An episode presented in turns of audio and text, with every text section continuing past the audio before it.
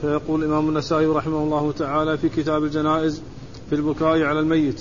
قال رحمه الله تعالى أخبرنا هناد بن السري قال حدثنا أبو الأحوص عن عطاء بن السائب عن عكرمة عن ابن عباس رضي الله تعالى عنهما قال لما حضرت بنت لرسول الله صلى الله عليه وسلم صغيرة فأخذها رسول الله صلى الله عليه وسلم فضمها إلى صدره ثم وضع يده عليها فقضت.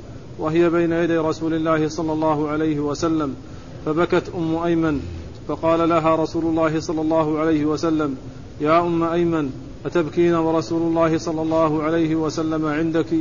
فقالت ما لي لا أبكي ورسول الله صلى الله عليه وسلم يبكي. فقال رسول الله صلى الله عليه وسلم إني لست أبكي ولكنها رحمة. ثم قال رسول الله صلى الله عليه وسلم المؤمن بخير على كل حال تنزع نفسه من بين جنبيه وهو يحمد الله عز وجل. بسم الله الرحمن الرحيم. الحمد لله رب العالمين وصلى الله وسلم وبارك على عبده ورسوله نبينا محمد وعلى آله وأصحابه أجمعين. أما بعد يقول النسائي رحمه الله آه البكاء. في البكاء على الميت. في البكاء على الميت. أي شيء أو أحاديث مما وردت في البكاء على الميت. والمقصود بالبكاء هو البكاء السائغ الذي لا محذور فيه ولا مانع منه. هو الذي يكون عن طريق حزن القلب ودمع العين. من غير من غير صوت من غير صوت للإنسان في حين يبكي بأن يحصل منه كلام أو شيء من ذلك وإنما كون عينه تدمع وقلبه يحزن هذا هذه رحمة جعل الله جعلها الله تعالى في قلوب عباده.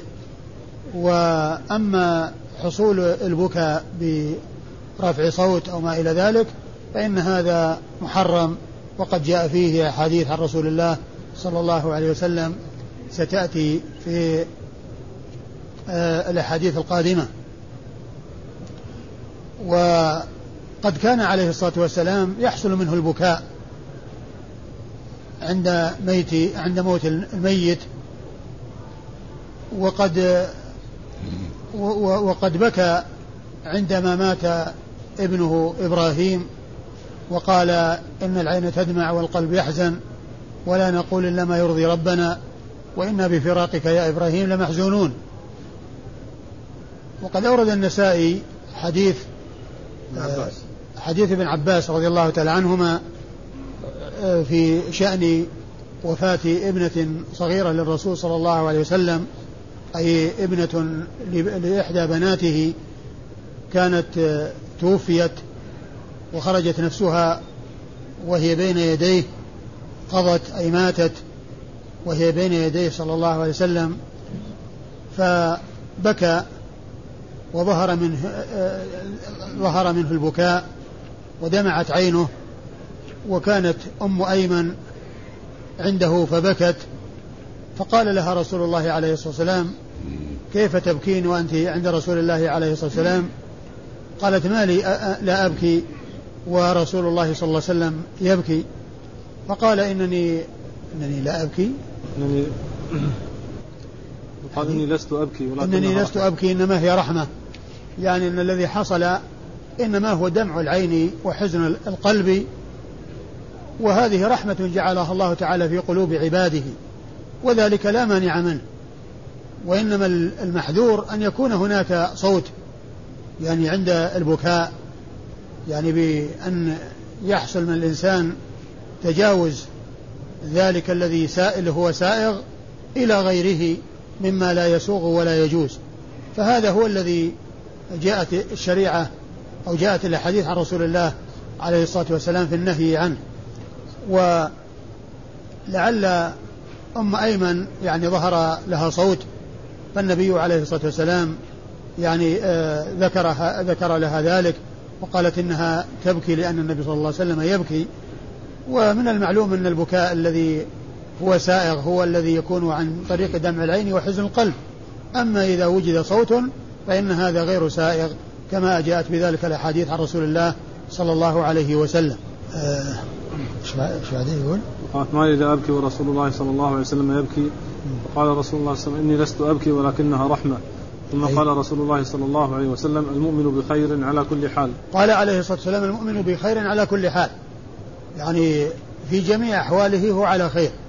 إن أصابه آه شيء يسر وشكر الله عز وجل عليه فهو على خير. وإن أصابه شيء يضر وصبر عليه فإنه على خير. وقد جاء في الحديث عن رسول الله عليه الصلاة والسلام أنه قال لعجبا لأمر المؤمن إن أمره كله له خير. إن أصابته سراء شكر فكان خيرا له وإن أصابته ضراء صبر فكان خيرا له وليس ذلك لأحد إلا المؤمن. فالمؤمن على في خير على كل حال. المؤمن في خير على كل حال سواء كان في حال السراء أو الضراء. إن كان في السراء فهو شاكر وهو, وهو على خير في شكره لله عز وجل على نعمه وإن كانت الضراء وصبر فهو على خير على صبره على المصائب وكونه آه، يؤمن بقضاء الله وقدره فهو على خير في جميع الأحوال. أيوة. المؤمن بخير على كل حال تنزع نفسه من بين جنبيه وهو يحمد الله عز وجل. ثم قال تنزع نفس المؤمن من بين جنبيه ويحمد الله عز وجل. يعني يحمد الله عز وجل ويصبر على ما أصابه وهذا هو شأن المؤمن الذي هو حمد وشكر وصبر واحتساب للأجر عند الله عز وجل. الإسناد أخبرنا هناد بن السري. أخبرنا هناد بن السري أبو السري وهو ثقة أخرج حديثه البخاري في خلق أفعال العباد ومسلم وأصحاب السنن الأربعة. أنا بالأحوص أنا بالأحوص وهو سلام بن سليم الحنفي الكوفي وهو ثقة متقن أخرج حديثه أصحاب الكتب الستة وهو مشهور بكنيته أبو الأحوص واسمه سلام بن سليم الحنفي الكوفي ثقة متقن أخرج حديثه أصحاب الكتب الستة وهنا ذك- ذكر بما اشتهر به. بل إن ذكره غالبا إنما هو بكنيته وهو وهي أبو الأحوص لأنه قد اشتهر بذلك. عن عطاء بن السائب وعطاء بن السائب صدوق اختلط وحديثه أخرجه البخاري وأصحاب السنن الأربعة. آه عن عكرمة. عن عكرمة هو هو ابن عبد الله مولى ابن عباس. وهو ثقة ثبت أخرج له أصحاب الكتب الستة. عن عبد الله بن عباس بن عبد المطلب بن عم رسول الله صلى الله عليه وسلم وأحد العبادلة الأربعة من أصحابه الكرام وأحد السبعة المعروفين بكثرة الحديث عنه صلى الله عليه وسلم من أصحابه الكرام. والإسناد فيه عطاء بن السائب وهو ممن اختلط ومن المعلوم أن المختلط إذا جاء شيء يعضده وجاء الحديث من طرق أخرى فإنه يكون ثابتا لوروده من غير طريقة لوروده من غير طريقة. أما لو كان لم يأتي إلا من طريق المختلط فهذا ينظر فيه لما كان الأخذ عنه قبل الاختلاط أو بعده. فإذا كان قبل الاختلاط فإنه يعتمد ولا يؤثر وإن كان الأخذ عنه بعد الاختلاط فهذا هو الذي يؤثر. وعلى كل حال إذا كان الأخذ قبل بعد الاختلاط أو شك هل هو قبل الاختلاط أو بعده ووجد أو روي الحديث من طرق أخرى وثبت عن رسول الله عليه الصلاة والسلام من طرق أخرى فإن الرواية عن المختلط أو الحديث الذي جاء عن المختلط لا يؤثر لأنه قد جاء من غير طريقه وثبت من غير طريقه. فيكون ذلك الطريق الذي جاء منه يكون ثابتا من أجل ما جاء عن غيره وليس من أجل ما جاء عنه هو. نعم. قال رحمه الله تعالى ذكرنا عن عكرمة ذكرنا عن عكرمة بن عباس. ابن عباس نعم قلت إنه أحد أحد العبادله الأربعة واحد السبعة المعروفين بكثرة الحديث عن رسول الله عليه الصلاة والسلام. وقال رحمه الله تعالى أخبرنا إسحاق بن إبراهيم قال حدثنا عبد الرزاق قال حدثنا معمر عن ثابت عن أنس رضي الله تعالى عنه أن فاطمة بكت أن فاطمة رضي الله تعالى عنها بكت على رسول الله صلى الله عليه وسلم حين مات فقالت يا أبتاه من ربه ما أدناه يا أبتاه إلى جبريل ننعاه يا أبتاه جنة الفردوس مأواه. ثم ورد النسائي هذا الحديث أن فاطمة رضي الله تعالى عنها وأرضاها لما توفي رسول الله عليه الصلاة والسلام بكت. يعني أن البكاء الذي لا صوت معه والذي يكون هو دمع للعين وحزن للقلب هذا فعله رسول الله عليه الصلاة والسلام وحصل من رسول الله عليه الصلاة والسلام وهو القدوة والأسوة الحسنة لأمته عليه الصلاة والسلام. وفاطمة ابنته رضي الله تعالى عنها وأرضاها لما توفي عليه الصلاة والسلام بكت. وقالت هذه المقالة عند وفاة أبيها صلى الله عليه وسلم ورضي الله تعالى عنها وأرضاها. قالت يا أبتاه آه، من ربه ما أدناه. يعني ما أقربه من ربه. إلى جبريل ننعاه لأنه كان ينزل إلى إلى الأرض بالوحي على رسول الله عليه الصلاة والسلام وبموت الرسول صلى الله عليه وسلم ينتهي نزول جبريل. ينتهي نزول جبريل بالوحي لأن الوحي ينقطع أو انقطع بوفاة الرسول صلى الله عليه وسلم. و ثم قال ثم قالت جنة الفردوس يا أبتاه جنة الفردوس مأواه وهو المكان الأعلى من الجنة. والنبي عليه الصلاة والسلام كان آخر ما قاله وهو في النزع اللهم في الرفيق الأعلى. اللهم في الرفيق الأعلى. هذا آخر ما نطق به رسول الله صلى الله عليه وسلم آه والحديث أورده النسائي من أجل ذكر البكاء.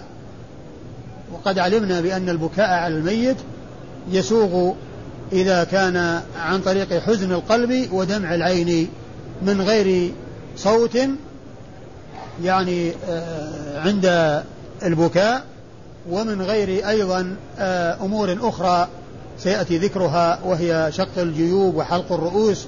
وما إلى ذلك من الأشياء التي جاء اللعن فيها عن رسول الله عليه الصلاة والسلام آه، في حق من فعل تلك الأمور. الإسناد؟ أخبرنا إسحاق بن إبراهيم. أخبرنا إسحاق بن إبراهيم. هو بن مخلد المشهور ببن راهوية الحنظلي المروزي ثقة ثبت إمام مجتهد وصف بأنه أمير المؤمنين في الحديث وهي من أعلى صيغ التعديل وأرفعها. وحديثه أخرجه أصحاب الكتب الستة إلا ابن ماجه فإنه لم يخرج له شيئا.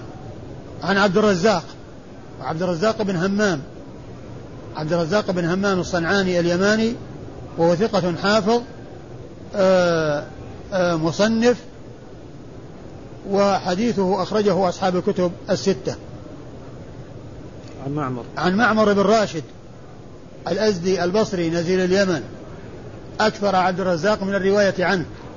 أكثر عبد الرزاق بن همام من الرواية عنه وقد روى عنه حديث الصحيفة صحيفة همام منبه الطويل الصحيفة الطويلة التي تشتمل على 140 حديثا تقريبا وهي موجودة في مسند الإمام أحمد. وقد, وقد أفردت في الطباعة باسم صحيفة همام بن منبه وقد اشتملت على 140 حديثا كلها صحيحة. كلها بإسناد واحد من طريق عبد الرزاق عن معمر عن همام عن أبي هريرة. وكلها بإسناد واحد وبين كل حديث وحديث وقال رسول الله صلى الله عليه وسلم كذا. والبخاري رحمه الله روى أخرج منها أحاديث ومسلم أخرج منها أحاديث واتفق على إخراج أحاديث منها. وترك أحاديث منها وهذا يبين لنا أن أو هذا من أوضح الأدلة على أن الإمام البخاري والإمام مسلم لم يلتزم إخراج كل حديث صحيح. لأن هذا هذه الصحيفة بإسناد واحد ومع ذلك أخذ منها وترك. فلو كان القصد إخراج كل حديث صحيح لكان هذا الإسناد الذي أخرجوا بعض الأحاديث من هذا الطريق ما تركوا شيئا من هذا الإسناد. أو من هذا المتن الذي جاء بهذا الإسناد وإنما أخذوا وتركوا وهذا من أوضح الأدلة التي يستدل بها على أن البخاري ومسلم لم يلتزم إخراج كل حديث صحيح بل ترك من الصحيح الشيء الكثير ولم يقصد الاستيعاب ولم يقصد الاستيعاب والحصر للأحاديث الصحيحة وإنما أراد جمع جملة كبيرة من الأحاديث الصحيحة من غير استقصاء واستيعاب. ومعمر بن راشد الأزدي البصري نزيل اليمن ثقة أخرج حديثه أصحاب الكتب الستة. عن؟ عن ثابت. عن ثابت بن أسلم البناني البصري وهو ثقة أخرج حديثه أصحاب الكتب الستة. عن؟ عن أنس. عن أنس. عن أنس. نعم عن أنس بن مالك رضي الله عنه صاحب رسول الله صلى الله عليه وسلم وخادمه وهو أحد السبعة المعروفين بكثرة الحديث عن رسول الله صلى الله عليه وسلم ورضي الله عنهم وأرضاهم. وهم أبو هريرة وابن عباس وابن عمر وأنس وجابر وأبو سعيد وأم المؤمنين عائشة. هؤلاء هم السبعة المعروفين بكثرة المعروفون بكثرة الحديث عن رسول الله عليه الصلاة والسلام ورضي الله تعالى عنهم وعن الصحابة أجمعين. وقال رحمه الله تعالى أخبرنا عمرو بن يزيد قال حدثنا بهز بن أسد قال حدثنا شعبة عن محمد بن المنكدر عن جابر رضي الله تعالى عنه أن أباه قتل يوم أحد قال فجعلت أكشف عن وجهه وأبكي والناس ينهوني ورسول الله صلى الله عليه وسلم لا ينهاني وجعلت عمتي تبكيه فقال رسول الله صلى الله عليه وسلم لا تبكيه ما زالت الملائكة تظله بأجنحتها حتى رفعوه. ثم ورد النسائي حديث جابر بن عبد الله الأنصاري رضي, الأنصاري رضي الله عنه في قصة استشهاد والده عبد الله بن حرام رضي الله تعالى عنه وأنه قد مثل به وكان قد سجي بثوب فكان يبكي ابنه جابر ويكشف عن وجهه والصحابة ينهونه. ورسول الله صلى الله عليه وسلم لا ينهاه ولعل كونهم ينهونه لأنه قد مثل به وتغيرت صورته رضي الله تعالى عنه وأرضاه فخشوا أن يصيبه تأثر كبير وتألم عظيم فأرادوا الرفق به وأن ولهذا نهوه وكرروا النهي لأنه إذا رأى, إذا رأى وجه أبيه وقد تغير ومثل به قد يحصل له تأثر فلعل هذا هو الذي دفعهم إلى ذلك. والنسائي أورد الحديث هنا من أجل ذكر البكاء وأنه كان يبكي بحضرة الرسول عليه الصلاة والسلام. ولكن البكاء يعني كما هو معلوم هو البكاء الذي هو سائغ وهو الذي يكون معه دمع العين وحزن القلب. والحديث سبق أن مر بنا عند ذكر التسجية وتغطية الميت وتسجيته وأنه يسجى ويغطى. وجابر رضي الله عنه كان يبكي ويكشف عن وجهه وأصحابه ينهونه ورسول الله صلى الله عليه وسلم لا ينهاه وهذا يدل أو دال على ما ترجم له المصنف من البكاء على الميت أي البكاء السائغ الذي لا ينهى عنه. أما عمته وقد مر في الحديث أنها آه، أخت عمرو أو ابنة عمرو وهو شك من الراوي فإنها آه، بكته والنبي صلى الله عليه وسلم قال لا تبكيه لا تبكيه. نعم لا تبكيه. لا تبكي. يعني نهاه رسول الله صلى الله عليه وسلم عن البكاء وقال إن الملائكة ما زالت تظله حتى رفع. يعني ومثله قد أقدم على شيء يسر وعلى شيء ينفع فمثله, فمثله لا يبكى عليه لأنه أقدم على ما هو خير وانتقل إلى ما هو خير والملائكة كانت تظله إكراما له رضي الله تعالى عنه وأرضاه. أخبرنا عمرو بن يزيد.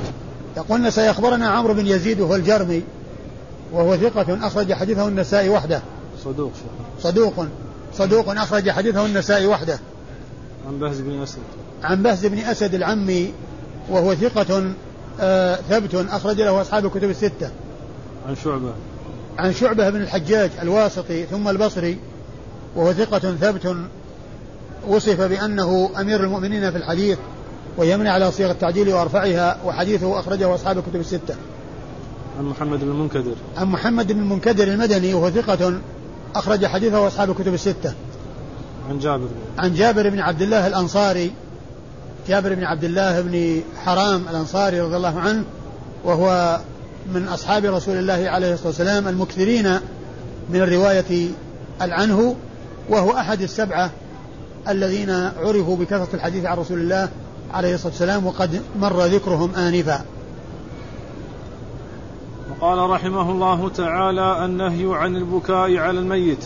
قال رحمه الله تعالى أخبرنا عتبة بن عبد الله بن عتبة قال قرأت على مالك عن عبد الله بن عبد الله بن جابر بن عتيك أن عتيك بن الحارث وهو جد عبد الله بن عبد الله أبو أمه أخبره أن جابر بن عتيك رضي الله تعالى عنه أخبره أن النبي صلى الله عليه وسلم جاء يعود عبد الله بن ثابت فوجده قد غلب عليه فصاح به فلم يجبه فاسترجع رسول الله صلى الله عليه وسلم وقال قد غلبنا عليك أبا الربيع فصحنا النساء وبكين فجعل ابن عتيك يسكتهن فقال رسول الله صلى الله عليه وسلم دعهن فإذا وجب فلا تبكين باكية. قالوا وما الوجوب يا رسول الله؟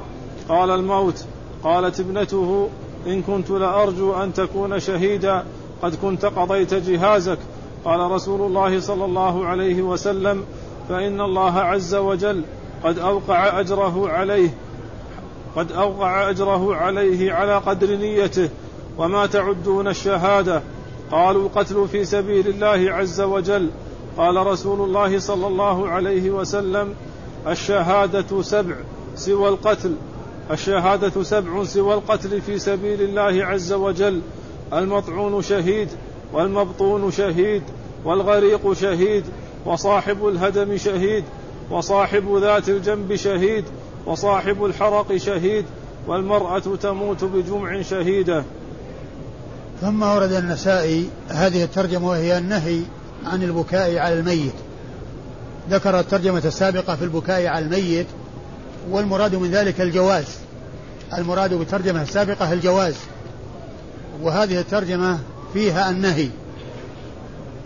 والفرق بين ما يجوز وما لا يجوز أن الجائز هو الذي يكون كما أسلفت عن حزن في القلب ودمع من العين وأما الذي لا يجوز فهو الذي يكون معه رفع صوت.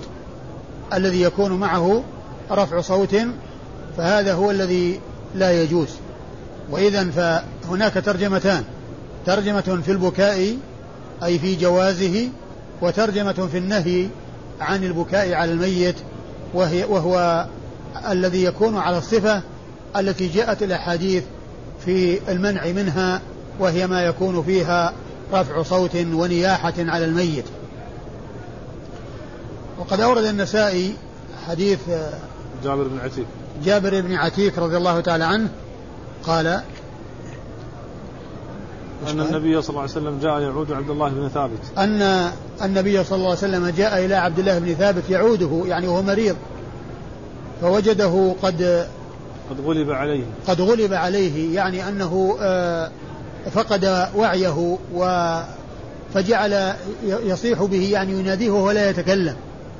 يناديه وهو لا يتكلم فقد قد غلبنا عليك يا أبا الربيع. إيش كان؟ فصاح به فلم يجبه فاسترجع رسول الله صاح به يعني ناداه يا فلان. يعني معناه رفع صوته يناديه وهو لا يجيبه لأنه آه، يعني إما أنه لا يستطيع الإجابة أو أنه قد أغمي عليه وهو لا يشعر. أيوة. فاسترجع رسول الله صلى الله عليه وسلم. فاسترجع رسول الله عليه قال إنا لله وإنا إليه راجعون. استرجع أي قال إنا لله وإنا إليه راجعون. أيوة. وقال قد غلبنا عليك أبا الربيع. أيوة. فصحنا النساء وبكين فجعل ابن عتيك يسكتهن. فقال فصحنا النساء وبكينا أي أقاربه فجعل ابن عتيك يسكتهن. فقال عليه الصلاة والسلام دعهن فإذا وجب فلا تبكين باكية. فإذا وجب فلا تبكين باكية. وهذا هو محل الشاهد. يعني إذا مات فلا تبكي فلا تبكي تبكين باكية. وهذا نهي. يعني مؤكد بنون التوكيد الثقيلة فلا تبكين باكية. أيوة وهذا هو محل الشاهد في النهي عن عن عن البكاء على الميت. والمقصود بالبكاء هو الذي معه صوت. أما البكاء الذي لا صوت معه فقد فعله رسول الله عليه الصلاة والسلام وفعل بحضرة النبي عليه الصلاة والسلام كما حصل لجابر رضي الله تعالى عنه وكما حصل لفاطمة رضي الله عنها بعد وفاة أبيها صلى الله عليه وسلم. وقد مرت الأحاديث في ذلك. أيوة. قالوا وما الوجوب يا رسول الله؟ قال الموت. نعم. قالت أيوة. قالت ابنته إن كنت لأرجو أن تكون شهيدا قد كنت قضيت جهادا قالت؟ قالت ابنته. قالت ابنته إني لأرجو أن تكون شهيدا قد قضيت جهازك. يعني أنه تهيأ للجهاد وقضى واستعد له وجهز العدة للجهاد في سبيل الله عز وجل فقالت إنها أن ترجو أن يكون شهيدا لأنه قد استعد للجهاد وقد مات وهو مستعد للجهاد فهي ترجو أن يكون شهيدا. فقال عليه الصلاة والسلام إنه قد بلغ أجره على قدر نيته. إن الله عز وجل قد أوقع أجره عليه على قدر نيته. إن الله تعالى قد أوقع أجره عليه على قدر نيته يعني أن ما نواه من الخير وما نواه من العمل الصالح فالله تعالى يثيبه على ذلك يثيبه على ذلك. وقد وهو لم يتمكن من هذا أعد العدة وتجهز ولكنه لم يتمكن. وقد جاء عن النبي عليه الصلاة والسلام أن الجهاد آه، يكون بالنية كما جاء في الحديث في غزوة تبوك أن في المدينة لرجالا ما سرتم مسيرا ولا قطعتم واديا إلا كانوا معكم حبسهم العذر. يعني إلا كانوا معكم يعني بنيتهم وقصدهم. هذا هو الذي يدل على أن الإنسان يؤجر بنيته وكذلك الإنسان الذي آه، يتمنى أن يكون مثل غيره ليعمل مثل عمله العمل العمل الصالح. فهذا هو على خير. هو على خير. وأما الحديث الذي ورد نية المؤمن خير من عمله فهذا ضعيف. نية المؤمن خير من عمله فهذا ضعيف لم يثبت عن رسول الله صلى الله عليه وسلم. أيوة. وما تعدون الشهادة؟ قال ما تعدون الشهادة؟ يعني ما هو الشهيد؟ أو من الذي تعنونه بالشهادة؟ قالوا الذي يقتل في سبيل الله عز وجل. أيوة. قال رسول الله صلى الله عليه وسلم الشهادة سبع سوى القتل في سبيل الله ثم قال عليه الصلاة والسلام الشهادة سبع سوى القتل. يعني أن هناك شهداء ولهم أجر الشهادة وإن لم يقتلوا في سبيل الله عز وجل. وذكر سبعة منهم في هذا الحديث. وقد جاء أحاديث عن رسول الله عليه الصلاة والسلام في ذكر جماعة من الشهداء أي في ثواب الآخرة.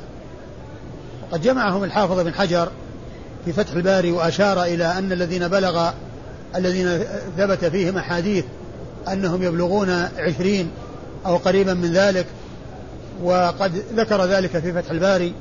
والإمام النووي في كتابه رياض الصالحين عقد ترجمة أورد تحتها جملة من الأحاديث التي فيها أمثال هؤلاء الشهداء. فقال باب ذكر جماعة من الشهداء في ثواب الآخرة ويغسلون ويصلى عليهم بخلاف الشهيد في قتال الكفار. بخلاف الشهيد في قتال الكفار. ثم ذكر جملة من الأحاديث التي فيها هذه الشهادة التي هي ليست في القتال في سبيل الله وأن هؤلاء آه، أطلق عليهم أنهم شهداء وأن ذلك في الأجر والثواب. أي أن هذه الشهادة في الأجر والثواب وليست في جميع الأحكام بمعنى أنهم لا يغسلون ولا آه، يصلى عليهم لا بل يغسلون ويصلى عليهم. وإنما هذا هذا هذه الشهادة إنما هي بالأجر والثواب. ولهذا قال النووي باب ذكر جماعة من الشهداء في ثواب الآخرة. ويغسلون ويصلى عليهم بخلاف الشهيد في قتال الكفار. فإن هذا لا يغسل ولا يصلى عليه. ثم ذكر هؤلاء السبعة في هذا الحديث. وهم المطعون وهو الذي أصابه الطاعون أو مات بسبب الطاعون والمبطون وهو الذي مات بسبب آه، وجع البطن وقيل إنه إنها المرأة تموت في نفاسها يعني بسبب ولادتها و المطعون والمبطون. والغريق. والغريق الذي يحصل له الغرق في الماء. وصاحب الهدم. وصاحب الهدم الذي يكون عليه انهدام بيت أو آه، بناء. وصاحب ذات الجنب. وصاحب ذات الجنب وهو المرض الذي يكون في الجنب ويكون آه، سببا في الوفاة ويسمى بهذا الاسم. نعم. وصاحب الحرق. وصاحب الحرق يعني الذي أصابه احتراق في النار. والمرأة تموت بجمع شهيدا إيش؟ والمرأة تموت بجمع شهيدا والمرأة تموت بجمع يعني تموت وهي حامل. تموت وهي حامل يعني آه، في بطنها ولد هي شهيدة. فهؤلاء سبعة من جملة الشهداء الذين ورد فيهم أحاديث عن رسول الله عليه الصلاة والسلام تدل على أنهم شهداء وإن لم يكونوا من شهداء المعركة في الجهاد في سبيل الله وقتال الكفار في سبيل الله عز وجل. نعم. إسناد؟ أخبرنا عتبة بن عبد الله بن عتبة. أخبرنا؟ عتبة بن عبد الله بن عتبة. أخبرنا عبد الله عتبة, عتبة بن عبد الله بن عتبة.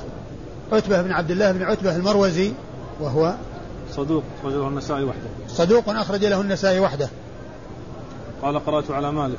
قال قرأت على مالك وهو مالك بن أنس إمام دار الهجرة المحدث الفقيه الإمام المشهور قال عنه الحافظ في التقريب آه، رأس المتقنين وكبير المثبتين يعني إن إن إنه في القمة في آه، الثقة والحفظ والعدالة رحمة الله عليه وحديثه عند أصحاب الكتب الستة.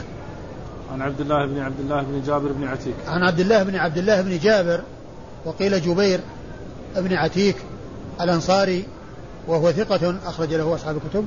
نعم. ثقة أخرج له أصحاب الكتب الستة عن عن عتيك بن الحارث. عن عتيك ابن ابن الحارث نعم وهو جد وهو عبد إيش؟ وهو وهو, وهو جد عبد الله بن عبد الله وهو جد الذي قبله من أمه لأمه وهو مقبول. ان أخرج حديثه أبو داود والنسائي.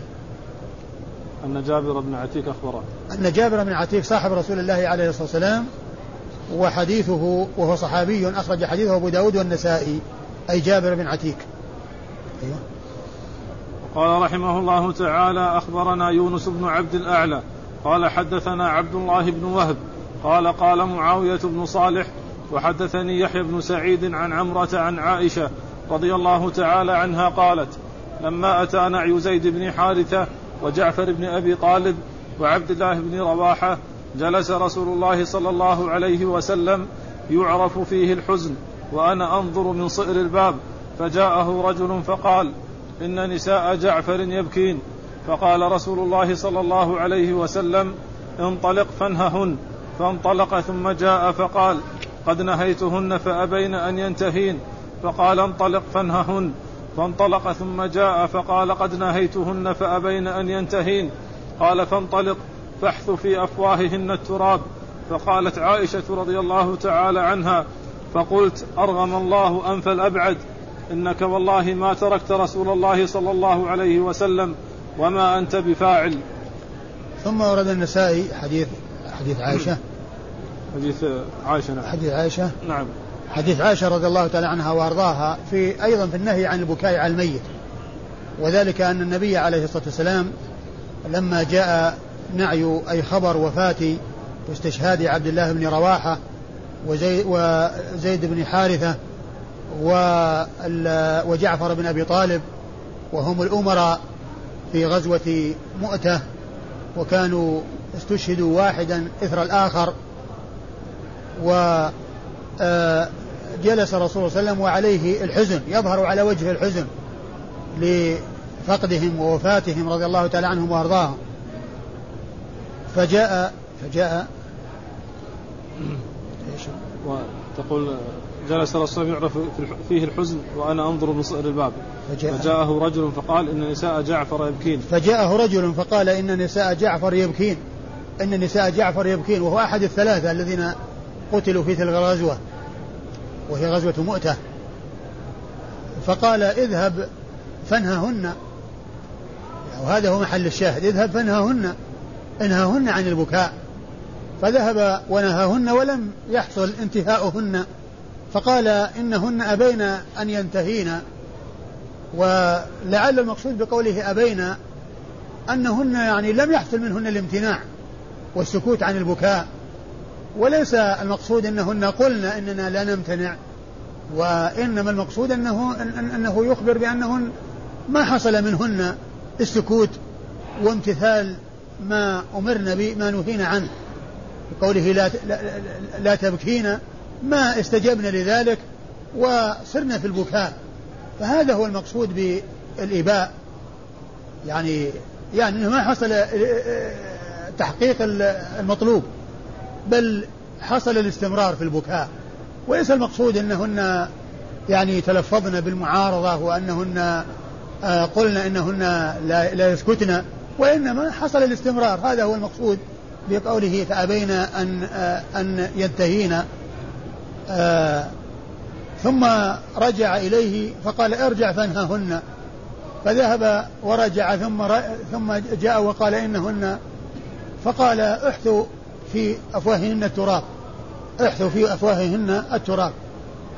فعائشة رضي الله تعالى عنها وأرضاها يعني عرفت أن ذلك فيه إتعاب للرسول صلى الله عليه وسلم وكثرة المراجعة وأن هذا الذي حصل منه آه، مع حصول الإتعاب منه للرسول صلى الله عليه وسلم ما هو يعني آه، آه، فاعل لهذا الشيء الذي أرشد إليه ولهذا قالت آه، ما أنت بفاعل وإيش قبلها؟ قالت أرغم الله أنف الأبعد. أيوه أرغم الله أنت أنف الأبعد إيش أنف الأبعد. إنك والله ما تركت رسول الله ما تركت الرسول صلى الله عليه وسلم من المراجعة والترداد عليه وإتعابه في الكلام والأخذ والرد وما أنت بفاعل. يعني لا هذا ولا هذا. الرسول صلى الله عليه وسلم ما استراح من مراجعتك ومن آه ترددك وأنت ما أنت بفاعل يعني هذا الذي أرشدت إليه؟ يعني ومعنى هذا أنها عابت عليه هذا الترداد وهذا يعني التكرار وهو قد أدى ما عليه. قد أدى ما عليه بكونه أبلغ النهي وكونه يحصل منه هذا التكرار ثم أرشد إلى ما أرشد إليه وأنه ليس بفاعل لهذا الذي أرشد إليه وهو الحث في أفواههن التراب. أخبرنا أخبرنا يونس بن عبد الأعلى. أخبرنا يونس بن عبد الأعلى الصدفي المصري وهو ثقة. نعم أخرج له مسلم والنسائي وابن ماجه. أخرج له مسلم ثقة أخرج له مسلم والنسائي وابن ماجه. عن عبد الله بن وهب. عبد الله بن وهب المصري ثقة فقيه أخرج له أصحاب الكتب الستة. معاوية بن صالح. عن معاوية بن صالح بن حدير الحمصي وهو آه، صدوق صدوق له أوهام. صدوق له أوهام. أخرج حديثه البخاري في جزء القراءة ومسلم وأصحاب السنن الأربعة. قال وأخبرني. وحدثني يحيى بن سعيد. قال وحدثني يحيى. قوله وحدثني هذه الواو معطوفة على شيء محذوف. يعني أن معاوية بن حدير معاوية بن صالح بن حدير عندما روى روى عدة أحاديث حدثني وحدثني وحدثني. فالذي آه، الراوي عندما أراد أن يأتي بهذا الحديث أتى بلفظه الذي يدل على شيء قبله لم يأتي لم يؤت به في هذه الرواية ولكن الواو دالة عليه. وقد مر بنا عن الزهري ما هو مثل هذا وكثيرا ما يأتي عن الزهري أنه يقول وأخبرني فلان وأخبرني يأتي في مواضع عديدة.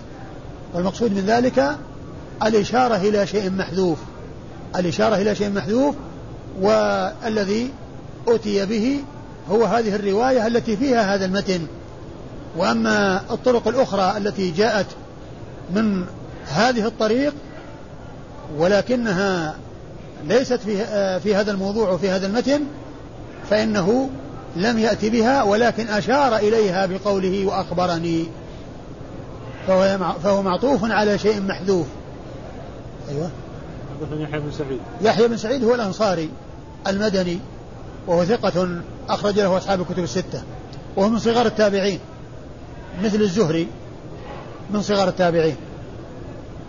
عن عمرة عن عائشة. عن عمرة بنت عبد الرحمن الأنصارية وهي ثقة أكثرت من الرواية عن عائشة وحديثها أخرجه أصحاب الكتب الستة.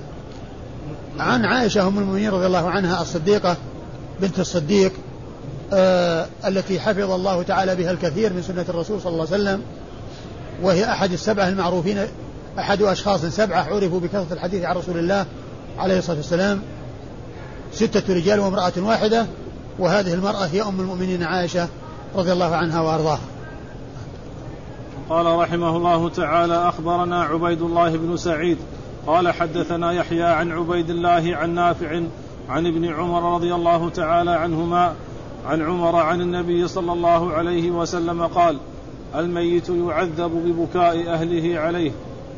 ثم أورد النسائي هذا الحديث حديث عمر رضي الله عنه وهو أن النبي عليه الصلاة والسلام قال إن الميت يعذب ببكاء أهله عليه. وهذا يدل على تحريم البكاء والنهي عنه وأنه لا يبكى على الميت. أنه لا يبكى على الميت لأن هذا يدل على النهي.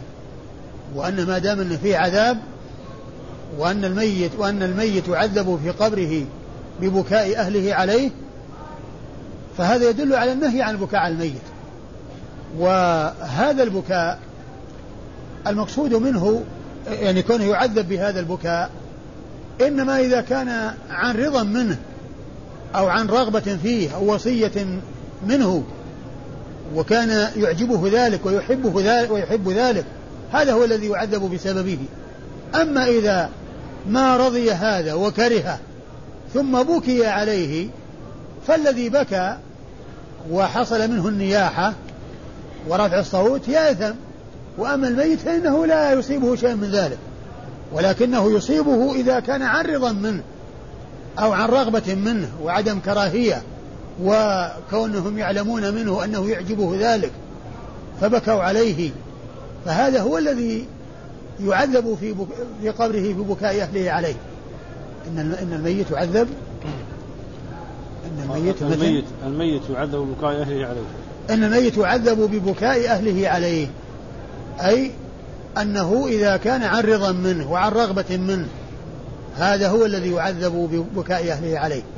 أما إذا كان لا يرضى لا سيما وقد نهاهم ويعلمون منه النهي عن البكاء عن الميت فإن هذا لا يصيبه العذاب ولا يناله العذاب ولم يكن سببا في ذلك وإنما الذي يعذب إذا كان سببا في ذلك بكونه يرغب أو أوصى بأن يبكى عليه أو يعجبه البكاء عليه ويحب من غيره أن يبكي عليه ويعلمون منه الرغبة في ذلك وهم بكوا تحقيقا لرغبته فهذا هو الذي يأثم لأنه تسبب في وصول العذاب إليه. يعني وصول العذاب إليه بسبب منه هو وليس من غيره. أما إذا كان ما يرضى وغيره بكى عليه وهو غير راض بذلك فهذا لا لا إثم عليه ولا سعيد. أخبرنا عبيد الله بن سعيد وهو السرخسي آه ثقة مأمون سني أخرج حديثه البخاري ومسلم والنسائي. عن يحيى. عن يحيى بن سعيد القطان البصري ثقة آه ناقد متكلم في الرجال جرحا وتعديلا حديثه أخرجه أصحاب الكتب الستة. عن عبيد الله. عن عبيد الله بن عمر بن حفص بن عاصم بن عمر بن الخطاب وهو عبيد الله المكبر عبيد الله العمري المكبر المصغر آه تمييزا عن أخيه عبد الله المكبر. وعبيد الله ثقة ثبت أخرج له أصحاب الكتب الستة. وأما عبد الله المكبر فهو ضعيف فهم يقولون عند ذكره عبيد الله العمري المصغر. يعني أنه عبيد الله بالتصغير. وأما عبد الله بالتكبير فهذا ضعيف وهو أخوه. عن نافع عن نافع مولى بن عمر وهو ثقة ثبت أخرج له أصحاب الكتب الستة. عن ابن عمر. عن ابن عمر عبد الله بن عمر بن الخطاب الصحابي الجليل أحد العبادلة الأربعة من أصحاب رسول الله عليه الصلاة والسلام ورضي الله تعالى عنهم. وأحد السبعة المعروفين بكثرة الحديث عن رسول الله عليه الصلاة والسلام وقد مر ذكرهم آنفا عن أبيه عمر بن الخطاب رضي الله تعالى عنه وأرضاه أمير المؤمنين وثاني الخلفاء الراشدين الهادين المهديين رضي الله تعالى عنهم وأرضاهم وحديثه عند أصحاب الكتب الستة. وقال رحمه الله تعالى أخبرنا محمود بن غيلان قال حدثنا أبو داود قال أخبرنا شعبة عن عبد الله بن صبيح قال سمعت محمد بن سيرين يقول ذكر عند عمران بن حسين رضي الله تعالى عنه الميت يعذب ببكاء, ببكاء الحي. فقال عمران قاله رسول الله صلى الله عليه وسلم. ثم أورد النسائي حديث عمران بن حسين رضي الله عنه وهو أنه ذكر عنده الميت يعذب ببكاء الحي. يعذب ببكاء الحي. فقال عمران قد قاله رسول الله عليه الصلاة والسلام وهذا هو محل الشاهد يعني مرفوع إلى الرسول لأنه قال قاله. لأنه ذكر عنده هذا الكلام. فقال قاله رسول الله عليه الصلاة والسلام يعني أنه مرفوع. رفعه عمران بن حسين إلى رسول الله عليه الصلاة والسلام.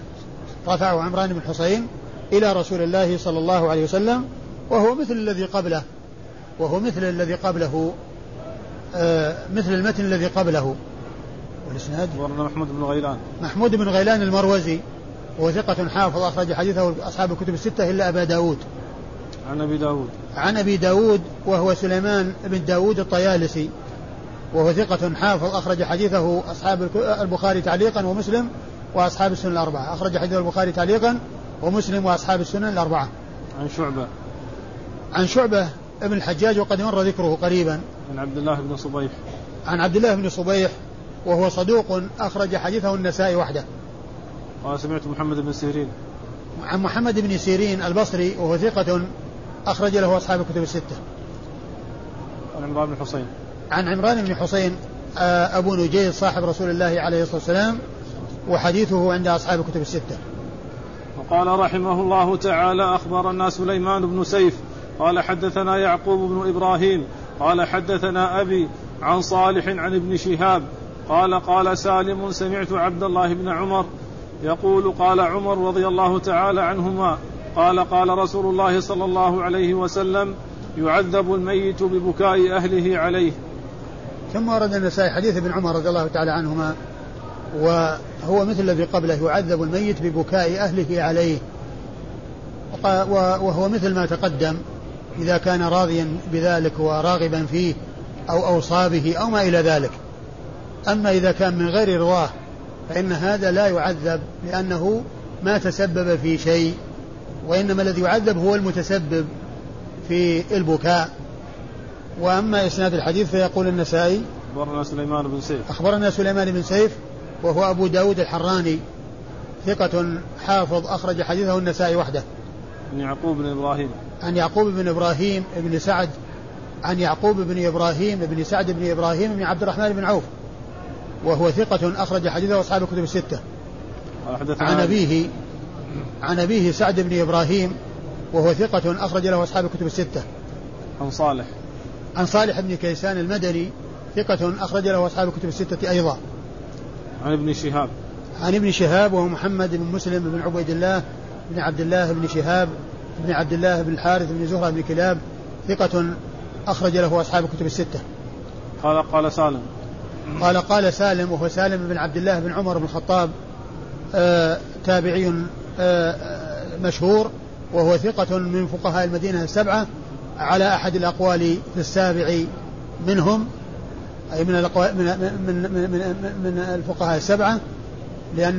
لأن. لأن السابع منهم في ثلاث أقوال قيل سالم هذا وقيل أبو بكر بن عبد الرحمن بن الحارث بن هشام وقيل أبو سلمة ابن عبد الرحمن ابن عوف عن عبد الله بن عمر. عن عبد الله بن عمر وقد مر ذكره.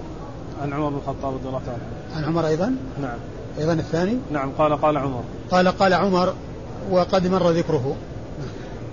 ثم قال رحمه الله تعالى النياحة على الميت. أه والله تعالى أعلم وصلى الله وسلم وبارك على عبده ورسوله نبينا محمد وعلى آله وأصحابه أجمعين.